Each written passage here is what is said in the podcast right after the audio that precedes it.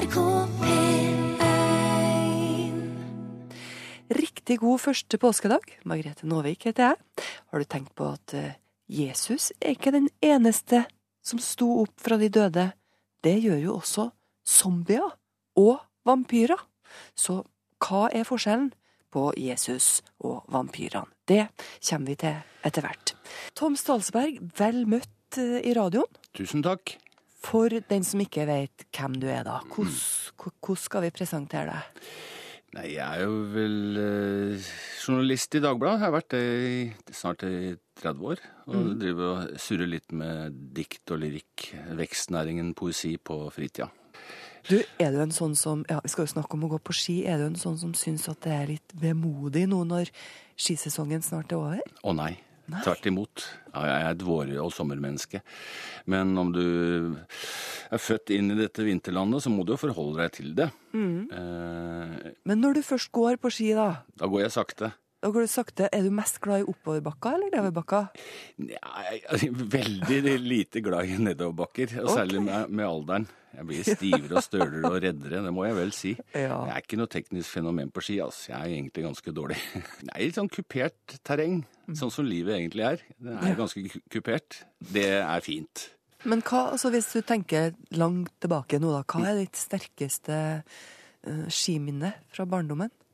Det er ganske Jeg kommer fra en, faktisk en skifamilie. Faren min var veldig desperat opptatt av å lage skismørning selv, og for broren min var ganske god til å konkurrere på ski Ja. da jeg var liten. Så var det veldig mange søndager vi feide rundt på i Akershus og, og Romerike da han skulle være med på skirenn i gutteklasser og juniorklasser. Så det fikk jeg veldig tidlig inn. Eh, Og der er det noen gode minner om eh, Jeg var jo liten og tjukk, da, så jeg likte veldig godt at moren min hadde laget store matpakker. Det husker jeg veldig godt. Men min kan du si, beste ja, I ettertid så er det ganske morsomt, men jeg var med i ett skirenn. Ja. Ja, da var jeg, var jeg ni år. Det var det som heter Eidsvollrennet. Det var ganske stort da. Det var hele Eidsvoll som møttes. Eh, og da hadde jeg fått smørning av faren min, og var veldig klar med startnummer og topplue. Og så mista jeg skia i første bakken og datt, og så kom jeg på dønn sisteplass. Og det som er morsomt, eller eh, var sårt da, men morsomt nå, er at faren min filma filma meg med Super 8-kamera da jeg kom inn og kasta skia mot den. Og var veldig, veldig sur. Men nå er det jo litt morsomt, så det er jo et slags godt skiminne, det. Men eh, du var sur, så du Ja, har sur. noe sånn Å, ja, ja. konkurranseinstinkt, da. Ja, det har jeg definitivt. Jeg har jo vært spilt aktiv fotball i mange, mange år, og er veldig konkurranseorientert. Forhåpentligvis på en ordentlig måte. Men nei, jeg, konkurranse er jeg veldig for. Men slår det ut når du går eh, i skiløypa nå, da? At du kan bli litt sånn Ja, her er sjansen til å gå forbi noen. Ikke nå, vil jeg si, for nå er formen så dårlig. Men eh, jeg har vel hatt noen sånne rare ting at jeg vet at jeg kan gå litt fort en liten periode. og Hvis det kommer de som jeg vet gjerne vil forbi, så kan jeg sette opp tempo. Men det snakker om 100 meter, men det er bare for å irritere. Men altså, vi skal jo snakke om det her med å gå sakte etter hvert. Men, eh, men hva tenker du at man mister når man går fort på ski? Nei, de som går fort på ski syns vel det er veldig ålreit, og har en, eh, har en stor glede av det. Um, og det kan jeg forstå, selv om jeg syns det blir litt pesete, og de kanskje burde ta seg Men de får vel den naturopplevelsen på speed som de vil ha. Så det har jo blitt et veldig pes på det at man skal Vanlige folk skal ha smørebenker og smøre og styre og skøyte og gå og gå og gå og ha nye susere. Og dem om det, det får de holde på med. Jeg må holde på med mitt tempo. Jeg syns det er fint. Jeg blander meg ikke inn i hvordan folk har det. Altså. det de får holde på. Men syns du det sier noen ting om tida vi lever i? Ja, kanskje det. Men jeg har ikke alltid vært sånn av konkurrent. Det er noen som på en måte blir ekstreme på alt de gjør. Det, det er det faktisk. Um, men det som du, kanskje er mer synlig nå da enn det var før, for nå har du så mange flere kanaler, og folk er veldig flinke tilbake enn det med sosiale medier. Folk legger ut hva man gjør hele tiden, også skiturer, og hvor man har vært og hvilke topper, og hvor langt man har gått, og hvem man går sammen med. Det er litt status, den såkalte, som jeg sikkert er en del av. Men lavt nede skravleklassen og de som holder på i presse og media og akademia, er veldig opptatt av dette her, altså. Tom Stalsberg, vi har snakka litt om det å gå fort på ski. Mm. Men eh, nå skal det handle om å gå sakte. Hvor sakte går du? Skal, jeg, skal jeg avsløre det her på radio? Ja, kan ikke du gjøre det? Ja. Ehm, Nei, det er vil jeg si er på en skala fra 1 til 13, da. Så ligger jeg nok og stanger på 13, som er det, det sakteste du kan gå. Eh, Men denne skisesongen her for meg har vært eh, veldig dårlig, altså, så jeg skal ikke skryte på meg noe som helst. Men har du vært ut? Du, skal jeg være helt ærlig, Ja. ikke en tur. Så da må du tenke deg litt tilbake da, når du skal beskrive hva du får ut av den her eh, Ja da, jeg har jo gått en del på ski. Jeg skrev en bok også om kunsten å gå på ski. Du har jo det. Sakte. Ja. Fortell, hva, hva får du ut av det her, å gå sakte på ski? Først må jeg gå gjennom en sånn eh, mental prosess og tenke skal jeg virkelig gå ut på ski? Jeg er dårlig på ski, jeg kommer sikkert til å falle. Er det hardt? Har jeg smørning nok? Eh, Er det mye folk? Er det mye bikkjer? Er det mye styr? Er det mange som skal gå forbi meg? Blir jeg irritert? Alt det må jeg gjennom. Kommer jeg meg ut, ofte, veldig ofte sammen med kona mi. Og da de først kommer ut, så bare skjer det noe. De får på seg skia og klarer å finne, finne noen spor der det ikke er så veldig mange mennesker. Så bare er det en sånn der ro som senker seg kraftig. Det er jo ikke noe hokus pokus og det er litt klisjé. Det er bare den der veldig fine stillheten. Ja.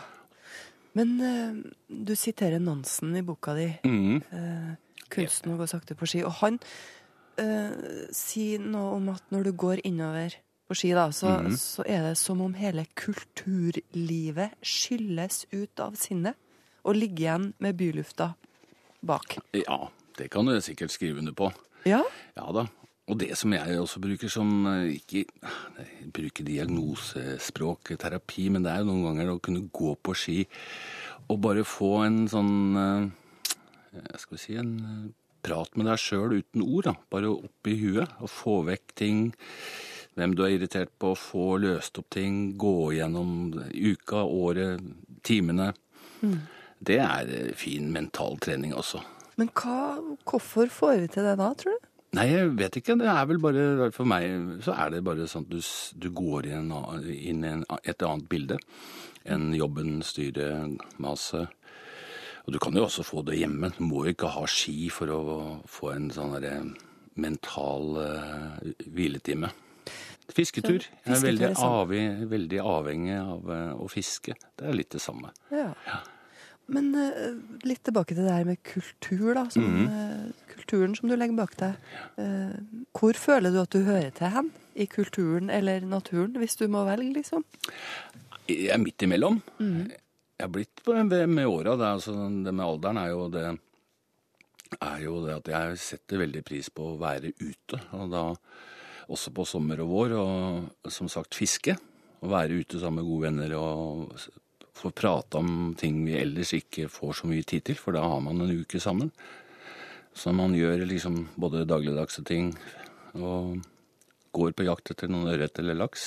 Og det er også det du kan bruke på vinteren. Å komme seg ut med folk, få en prat, eller bare, bare holde helt munn. Du, liker du best å gå i oppkjørte løyper, eller vil du tråkke Ja. opp sjøl? Nei, ikke tråkke opp selv. Nei. Nei, nei, nei. Men løse kan være morsomt, fordi særlig når du er dårlig på ski, for det er mye deiligere å falle. Ja. Sant nok. Ja. Er det litt sånn Tom Stalsberg? Ja. Liker best å gå i opptråkka spor? Som Sånn i livet generelt? Ja, det Ja, det skal jeg skal svare på. Nei, det Nei, da skal jeg ikke skryte. Nei, det gjør jeg virkelig ikke. Nei, det gjør jeg ikke. Men når det gjelder ski, som er en helt sånn konkret ting, da gjør jeg det. Når det gjelder å holde på med andre ting, så får man prøve å i hvert fall forsøke å tråkke opp noen nye spor selv. Om det er det, det vet jeg ikke. Men må jo få høre om hva du gjør etter en skitur. Etter en skitur Ja, for det er jo noe i seg sjøl. Det er jo den Og det er også en tilbake igjen til opp og vedtatte sannheter. Det er jo fantastisk fint. Da man kommer og er kanskje godt vært ute en to-tre timer, selv om man har gått sakte, kan man ha gått langt, man er sliten, å komme seg da enten på hytta eller hjem, få noe kaldt å drikke, det må i hvert fall jeg ha.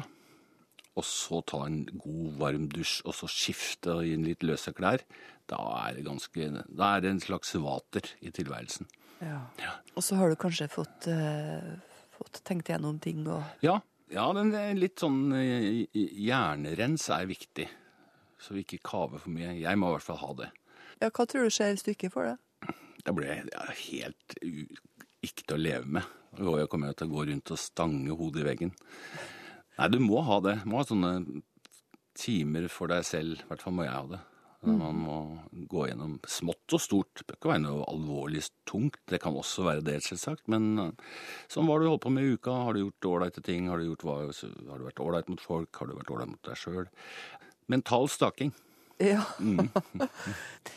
Men du skal få en låt til før Ja, så du forlater åstedet. Hva skal vi høre? Da må jeg vise at jeg er jo en eldre mann og oppvokst med progrock. Og i den sammenheng så var Jet Tull noe jeg hørte veldig mye på. Og den låta jeg valgte, har en fantastisk tittel. 'Skating Away on a Tin Ice on a New Day'. Den syns jeg er fin. Tittelen er verdt, verdt å lytte til. 'Skating Away on the Thin Ice of a New Day'. En tittel verdt å lytte til, mener da vår svært saktegående skigjest Tom Stalsberg. Som etter eget sigende skulle dra over til USA for å røske litt i sveisen til Donald Trump etter at jeg snakka med han. Litt vanskelig å oversette tittelen på denne Yetro Tull-låta, men det blir vel noe sånt som eh, å gli av gårde på skøyta på den tynne isen som ligger på en ny dag, eller noe sånt. Si noen ting om hvor skjørt livet og dagene er, kanskje. NRK P1 Jeg heter Espen Ottosen og er informasjonsleder i Misjonssambandet. Og jeg tror først og fremst på Jesus. Eh, Jeg vokste opp i et eh, kristent hjem, møtte tidlig forkynnelsen om at Jesus var verdens frelser og den som kunne gi evig liv. Og da jeg var fem år, så døde faren min. Eh, Og da ble det nok ekstra viktig veldig tidlig for meg eh, å ha et eh, håp i møte med døden. Og det har nok fulgt meg senere, nå 40 år etterpå.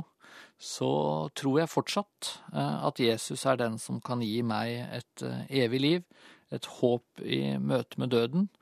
Eh, Og når jeg leser Bibelen, som jeg er blitt mye mer kjent med disse 40 årene enn jeg var da jeg som femåring opplevde dette, så opplever jeg at eh, her er det mange ord som taler til meg på en troverdig måte, eh, og som overbeviser meg om at Jesus ikke bare var et forbilde, et klokt menneske, et annerledes menneske, men at han faktisk først døde på korset for mine synder, men så vant han faktisk over døden.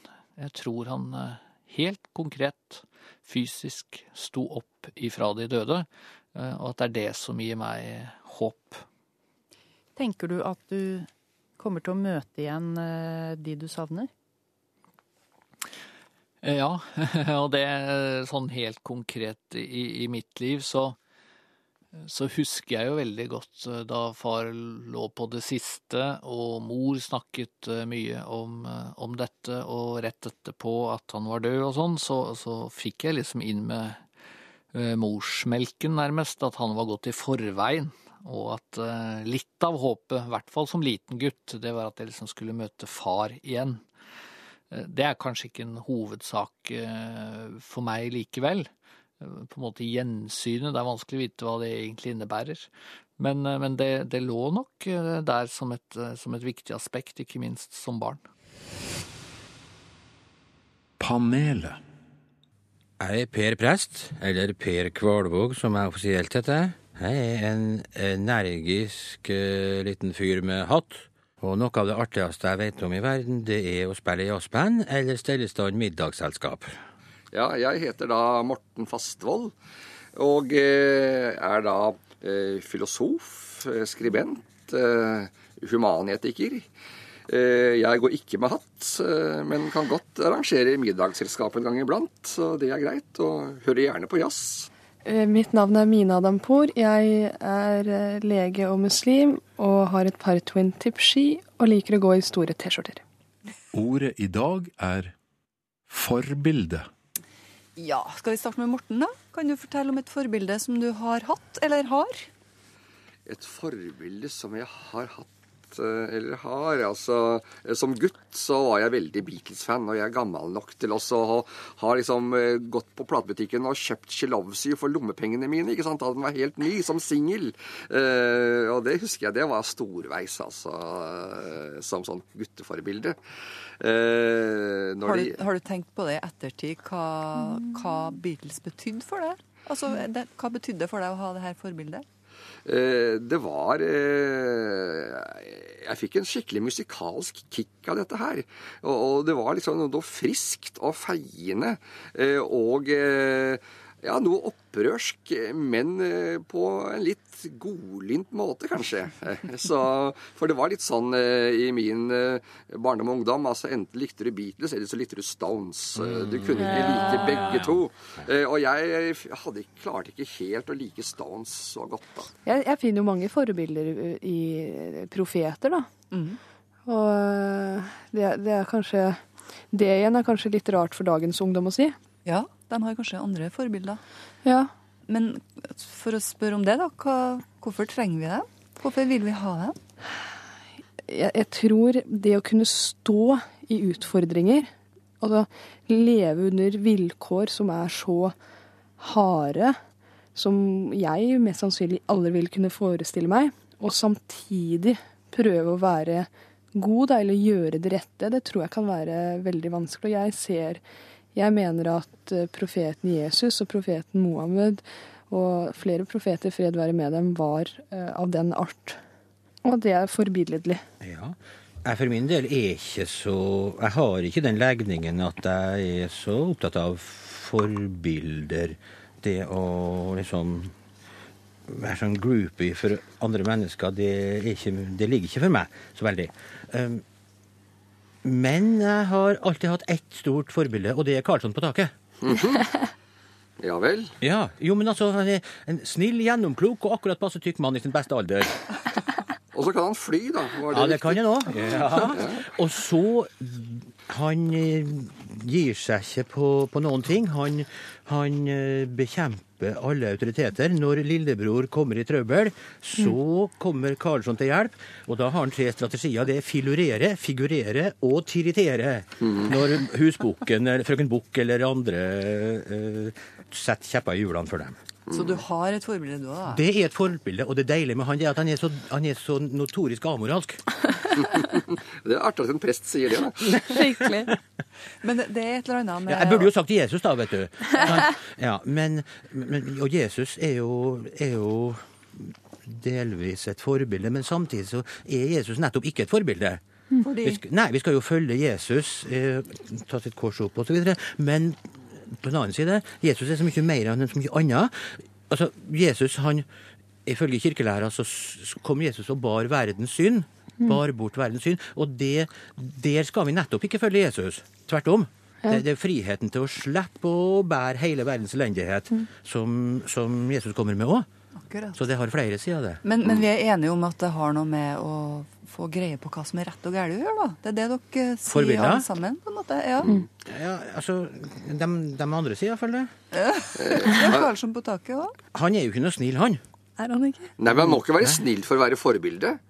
Nettopp. Nei. Eh, men, men, men bare sånn eh, Du nevnte vel i stad forbilledlig, tror jeg du sa, Mina. Og eh, jeg har mye mer sans for liksom, å snakke om noe som er forbilledlig, enn altså at, at du, et forbilde. Det kan Ja. lett oppfattes som et idol. Da skal Ja. du kjøpe en person med hud og hår, og hva vedkommende har gjort eh, fra vuggen til grav omtrent. Mens altså forbilledlig er jo at eh, den handlingen, eller det utsagnet, var forbilledlig. Ja. Det er klart man kan beundre Jeg, jeg, jeg beundrer trompetspillet til Chet Baker og motet til Martin Luther King. Ja. Ikke sant? Men, eh, men jeg har det ikke som helt eller idol for det. Nei, ikke sant? Men for, for meg så er et, et forbilde For det, jeg, jeg synes det ordet er greit. Jeg, jeg vet eh, at det ordet kan være sterkt og fordøye for mange. Men for meg Jeg, jeg har jeg jobbet i hjemmetjenesten i mange, mange år. Eller som personlig assistent. Og altså Jeg må si at jeg ser mange mennesker jeg ser opp til gjennom den jobben som jeg tidligere hadde.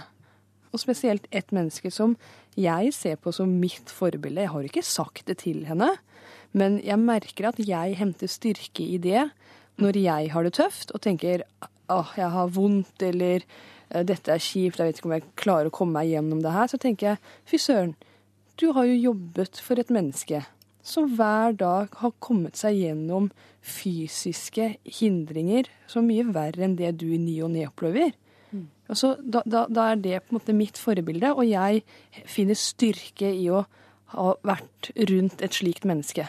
Men kan jeg spørre, er det noen som har hatt tanker om seg sjøl som forbilde? Noen av dere? Per, du er jo prest, så du er jo på en måte ja. litt utsatt her. Ja, eh, jeg vil ikke anbefale folk å bruke meg som forbilde på så mye forskjellig. Men uh, man kan være forbilde på mange måter. Sant? Jeg kan være forbilde ved å vise frem at uh, det går an å være kristen og prest og være litt vanlig òg, kanskje. Mm. Hvis man skal eh, ta dette med å være et forbilde i en veldig vid forstand, eh, så eh, Altså når vi er små barn, så er våre foreldre for eksempel, eller våre nærmeste, de er forbilder. Eh, fordi at eh, måten vi lærer på, ting, ting vi må lære for å klare oss her i verden, det er å ape etter andre. Ja. Og ta etter andre, ikke sant. Og, eh, og når vi er veldig små barn, så er våre foreldre forbilder bilder enten de fortjener det eller ikke, sånn sett med voksne øyne. ikke sant? For at det, man, man, vi har dem som forbilder før vi får utvikla vår kritiske sans. Og så blir det jo i etterhånd, da, og fortjente de egentlig å være forbilder eller ikke? ikke sant? Eh, Men, men altså, vi mennesker vi, vi skjeler til hverandre hele tiden og ser hva er det som er gangbart eller ikke. Og eh, det er bare sånn kleskoder. ikke sant? Hvis man kommer på et sted man ikke har ferdes før, og så uh, liksom, sjekker man er jeg innafor eller utafor når det gjelder hva jeg har tatt på meg. ikke sant? Og, og da er det veldig avhengig av hva de andre har på seg. Å ja, heldigvis det var en der som heller ikke hadde dressjakke. ikke sant? Altså, eh, eh, men hvis, alle hadde hatt eh, dress og slips, ikke sant, og jeg ikke, så uh, Altså, vi skjeler sånn hele tiden, også som voksne. Uh, så hvis man skal se dette med forbilde i en veldig vid forstand, da, så er det bare sånn vi er innretta, vi mennesker. Det er sånn vi lærer og sosialiserer oss. Ja, vi ser på hverandre og hermer etter det vi syns vi ser fungerer best. Det sier Morten Fastvold. Han tenkte høyt sammen med Per Kvalvåg og Mina Adampour om forbilder. Nå er det sånn at klokka nærmer seg ti på sjølveste påskemorgen. Vi skal, som seg hør og bør, se litt på det her med oppstandelse i neste time. Og det er jo flere fortellinger om folk som dør og kommer gående tilbake på to bein. Både vampyrene og zombiene gjør det her. Så har det noen sammenheng? Handler de her historiene egentlig om det samme? Vi huker tak i en religionshistoriker som eh, faktisk har brukt kontortid på å grunne på det her. Men først nå så skal vi ha nyheter sånn som sedvanen er på denne radiostasjonen i denne radiokanalen på hel time. Vi hørte Lise Petersen synge Påskemorgen. Tror du på Gud? Dette spørsmålet har Ipsos MMI stilt folk flest hvert eneste år siden 1985. For første gang så er det nå flere som svarer nei enn ja. Altså, de tror ikke på Gud. Det her ble vi litt nysgjerrig på. Hva har skjedd i løpet av de her 30 årene? Tenker folk annerledes om Gud nå enn tidligere? Eller tenker de annerledes om det her spørsmålet? Vår egen mann i gata, Ove Gundersen, han tar oppdraget og prøver å finne ut av det her. Nei, jeg gjør ikke det. Hva er grunnen til at du ikke gjør det? Jeg vet ikke. Jeg har bare ikke trua på det. Jeg jobber i olja og borer etter olje, og kan ikke tro på Gud da. vet du, For at eh, Den bibelen er vel bare en 10 000 år gammel, og sedimentene og olja der er mange millioner år, så det harmonerer ikke. Eh, ja, som Jeg vil på en måte si at jeg gjør det til en viss grad. Jeg, jeg er usikker på om jeg vil direkte kalle meg kristen, men jeg tror i hvert fall at det er noe større enn oss i verden. da. Det er litt vanskelig å sette ord på det, men ja. Er det noe du har reflektert noe særlig over, eller er det bare litt sånn? Foreldrene mine er kristne, og jeg er liksom oppvokst i kristen tro, og så har jeg på en måte bare begynt å tenke litt sjøl og på en måte finne ut hva er det jeg sjøl egentlig tror på. Så det, det er noe jeg har tenkt ganske mye på, og fortsatt driver på en måte og søker litt etter hva jeg egentlig tror på. Hvor tror du du ender opp hen, da? Jeg tror nok ikke jeg kommer til å bli ateist. Det kommer nok ikke til å ende opp sånn. For eh, det gir liksom ikke helt mening for meg at vi bare er her for å reprodusere oss. Det er litt sånn lite. Det må på en måte være noe mer, tenker jeg da. Tror du på Gud? Det gjør jeg ikke. Og det sier du med et smil. Ja, det gjør jeg. jeg har vært ateist all, eh, i all min tid. Men Hva er grunnen til at du har endt opp som ateist, da? Nei, altså Gud eh, Jeg tror rett og slett ikke at det finnes noe annet enn oss, godheten i oss mennesker. Det er det eneste.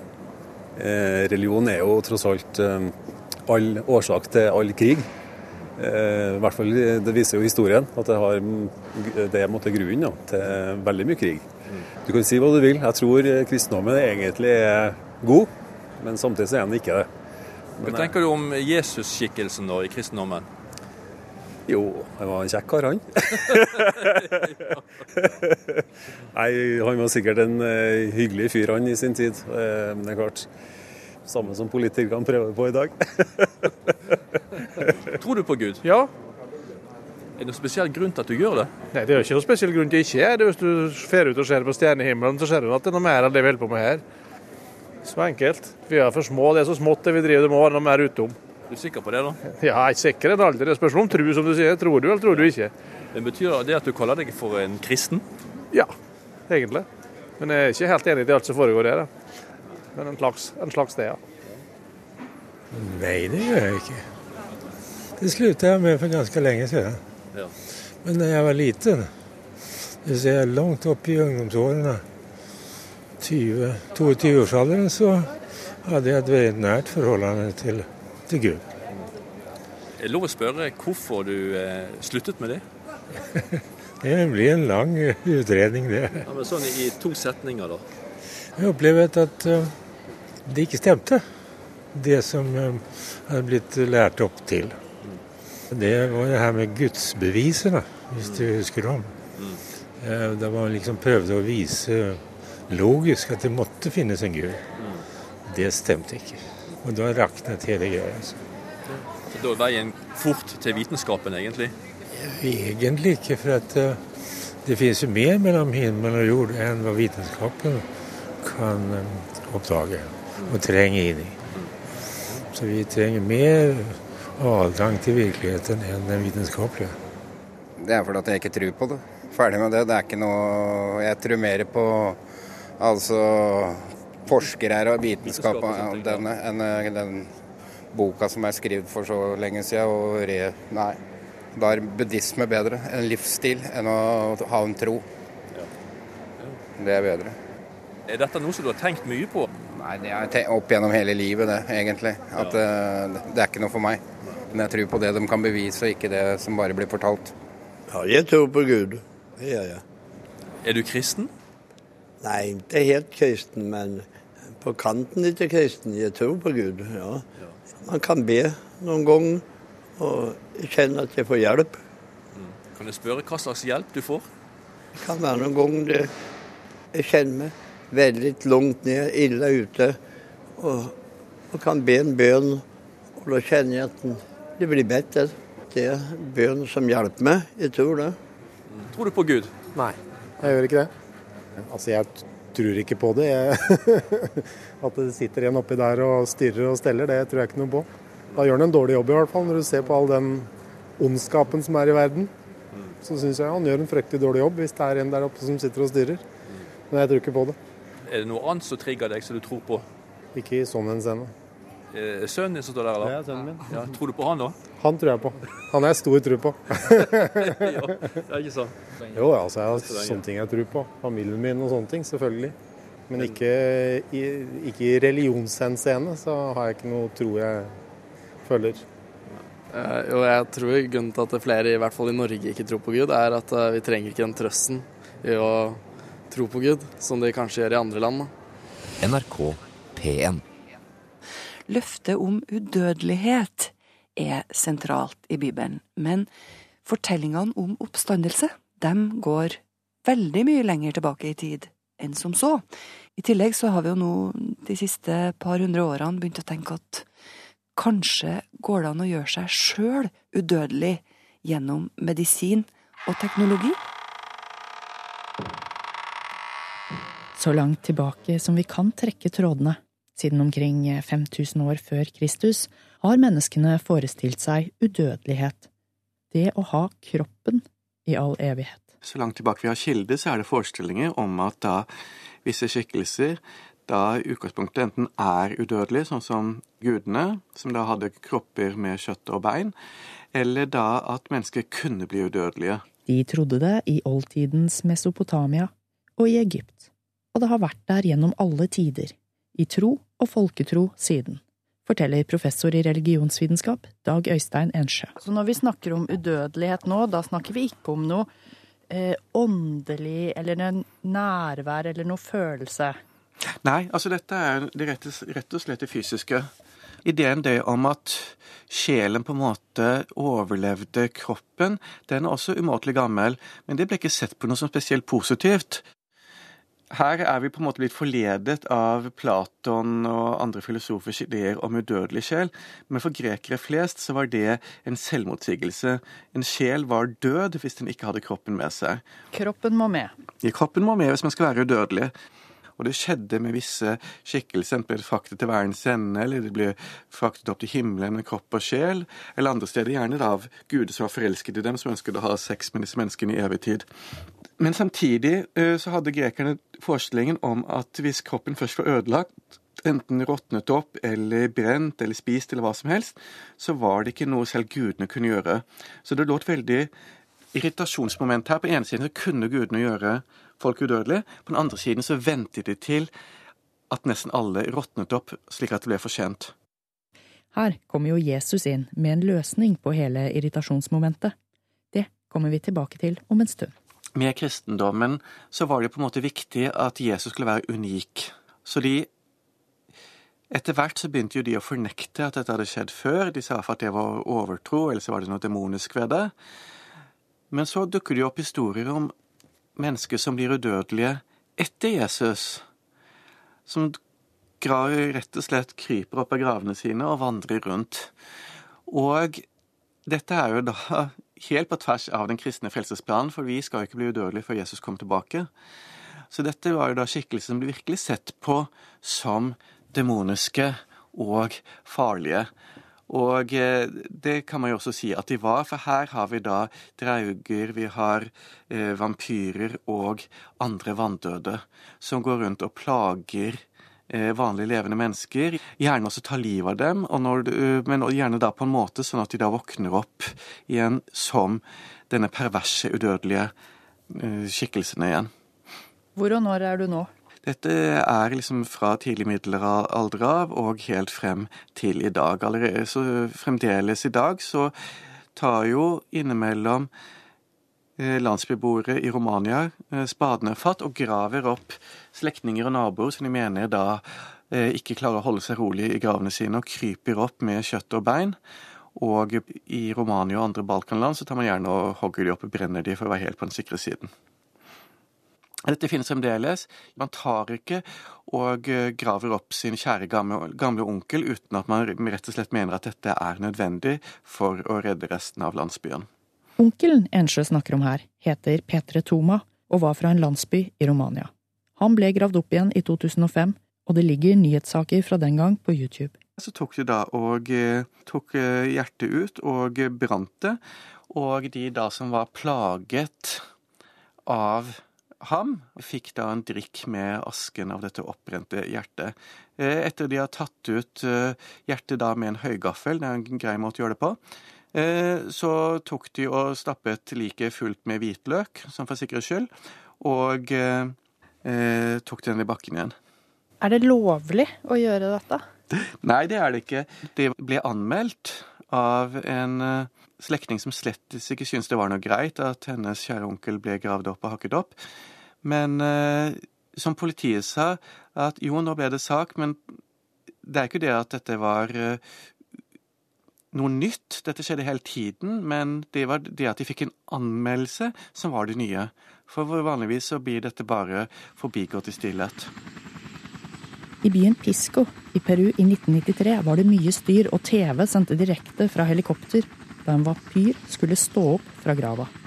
En britisk veverske, Sarah Ellen Roberts, hadde av en eller annen grunn fått det ryktet på seg at hun skulle stå opp på dagen 80 år etter at hun døde, som vampyr. Innbyggerne hadde da tatt eh, kors og hvitløk rundt ring på byggene sine, sånn for å være føre var. Andre hadde tatt med staker for å kunne da kjøre den i hjertet på denne stakkars vampyren når hun da dukket opp. Ja, Av en eller annen grunn så dukket ikke hun opp igjen, hun ble liggende. Men det interessante er jo da denne troen på at dette skulle skje. Er dette religion? Ja, det må man si. Altså, dette er trosforestillingen.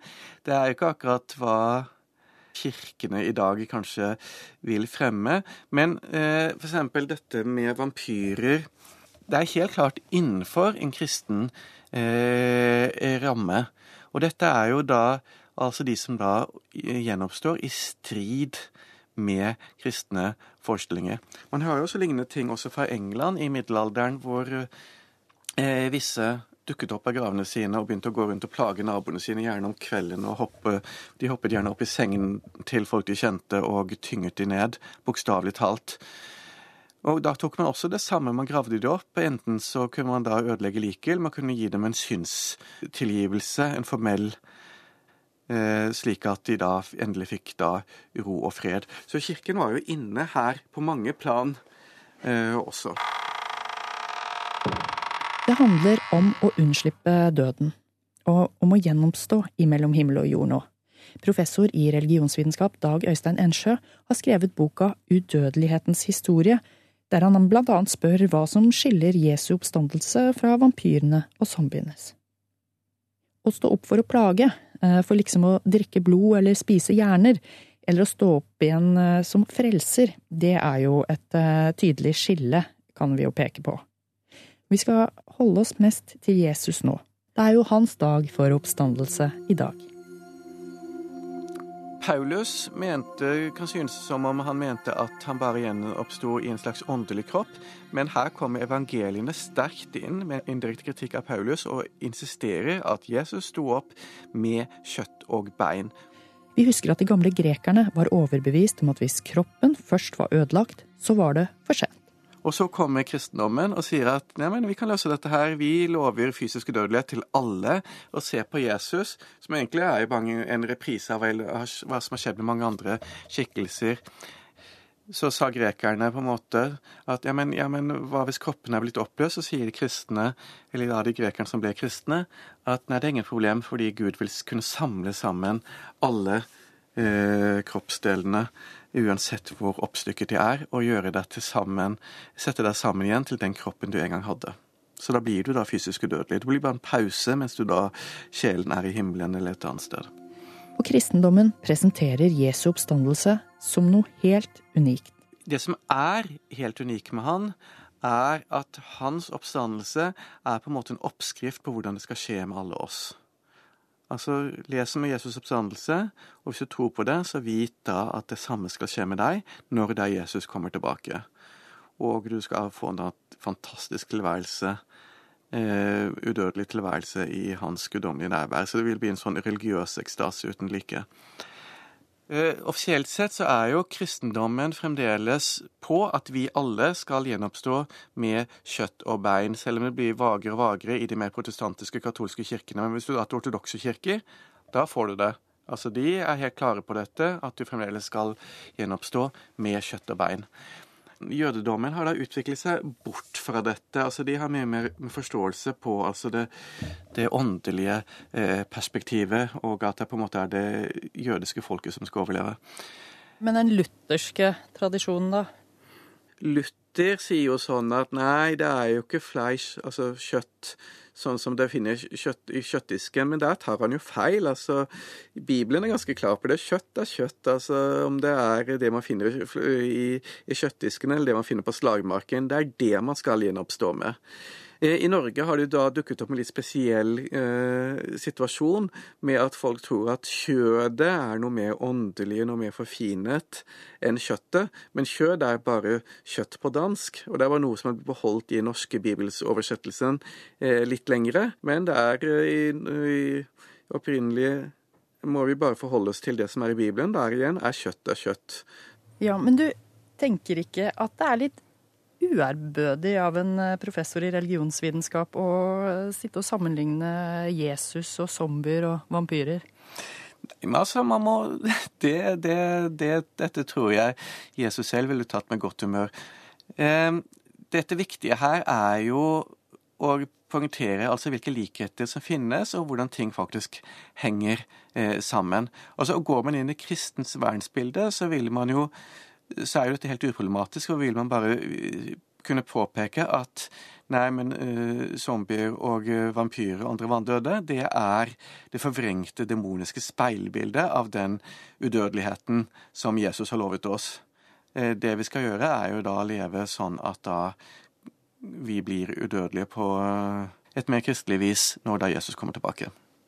Å bli udødelig med Jesus er bra, å bli udødelig uten Jesus er ikke bra. Altså litt sånn fire ben bra, to ben ikke bra.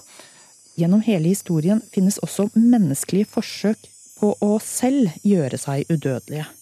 Og det ligger jo noen frosset ned akkurat nå og håper på å bli vekket opp igjen.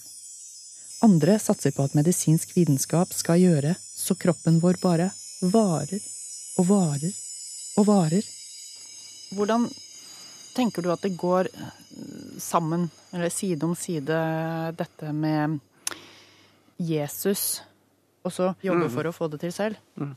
Nei, det er vel egentlig nokså to forskjellige ting. fordi hvis når Jesus kommer tilbake, og sier f.eks. Eh, litt senere i, i mai dette vil jo være også en tilstand da hvor det blir ny himmel og jord. altså Alle nat naturlovene vil på en måte bli satt til side. altså Her er en fullstendig guddommelig, inngripen, mirakuløs omvandling av hele universet.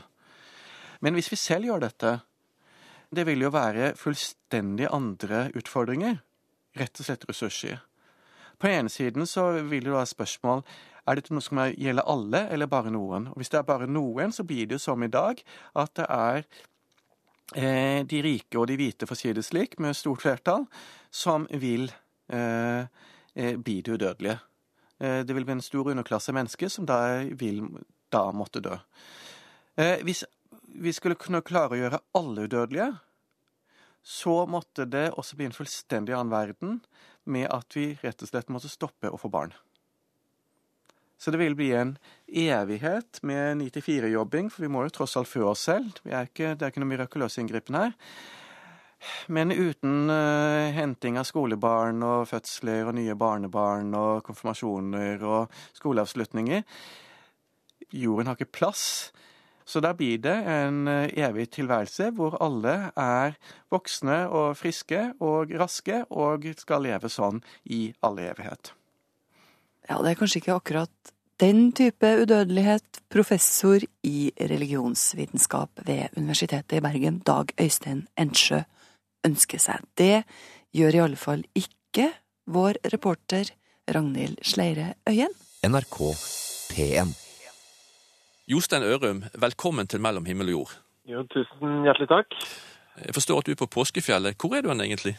Du, nå er jeg oppå Kyrkjebygdsheia i Nissedal i Telemark. Et uh, veldig fint uh, heiområde. Åpent og fint, og her er det godt å være. Her har vi hytte. Du er oppe med familien din og Ja, går litt på ski og sitter inne og leser, og utafor vinduet her så driver barna mine og lager hopp og snøborger og sånn, så det er sånn det skal være. Du har jo skrevet boken De som så han. Kan du si litt om, om hva slags bok dette her er? Ja, nå er det jo påske, og det er jo en eh, fortelling hvor vi på en måte markerer noen dager, en uke som forandra verden, går det vel an å si, hvordan vi enn snur og vender på det. Ja. Jesus siste åtte dager, da, fra på en måte palmesøndag, kommer til Jerusalem og gjennom den eh, stille uken, eller mer eller mindre stille uken, i hvert fall. Gjennom skjærtorsdag, langfredag, de dramatiske hendelsene med både svik og oppreisning og håp og knuste drømmer og, og død og liv da fram til påskedag. Prøvde jeg å tenke på dette her hadde vært en film. Det har det for så vidt vært filmatisert. Men jeg tenkte hvis 40 mennesker som så Jesus fra Nazaret i hans siste uke Eller jeg i hvert fall liker å tenke at disse menneskene, disse 40 som jeg har skrevet om, og alle andre som på en måte ble involvert i disse fortellingene som vi forteller igjen og igjen gjennom generasjoner, de var jo egentlig bare vanlige mennesker. Det kunne jo strengt tatt vært meg, da.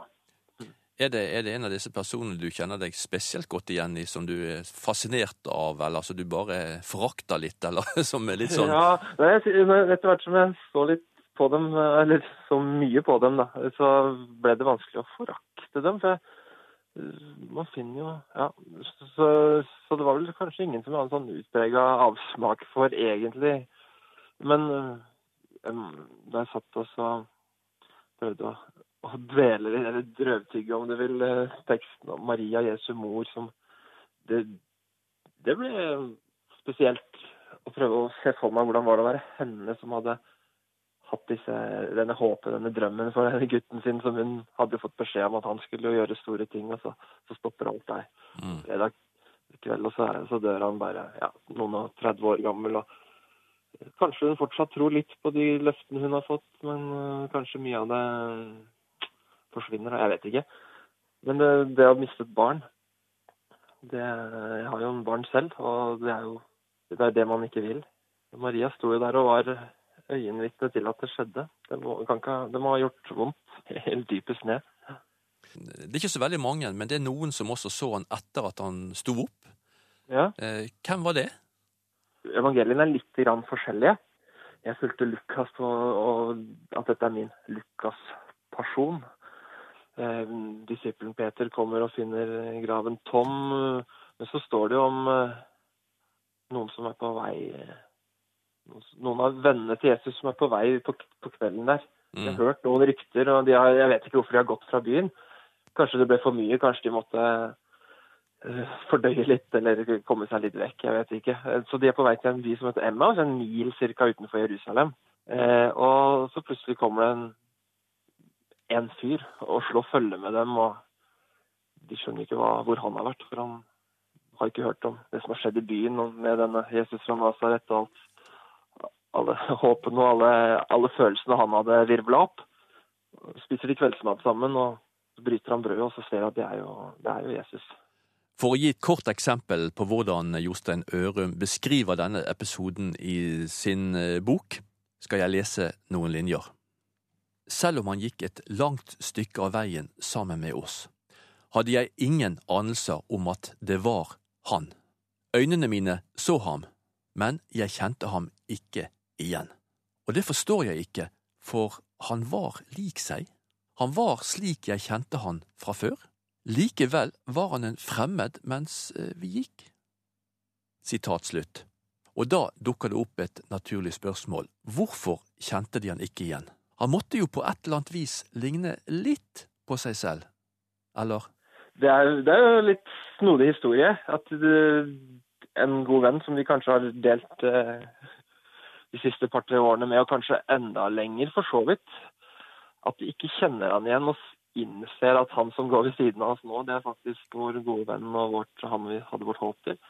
Hvorfor det er sånn, det tror jeg faktisk ikke jeg kan forklare. Men liker å tenke at det er noe inni disse menneskene som gjør at de faktisk ikke forstår. da.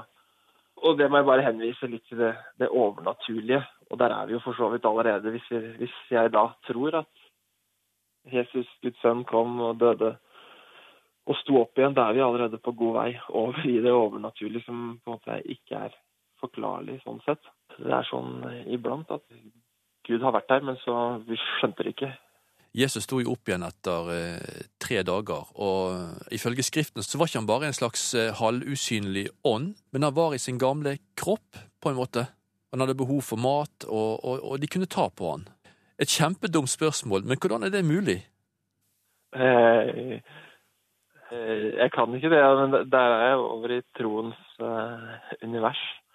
Uten den troen så faller jo hele gulvet ut under eh, den kristne troen.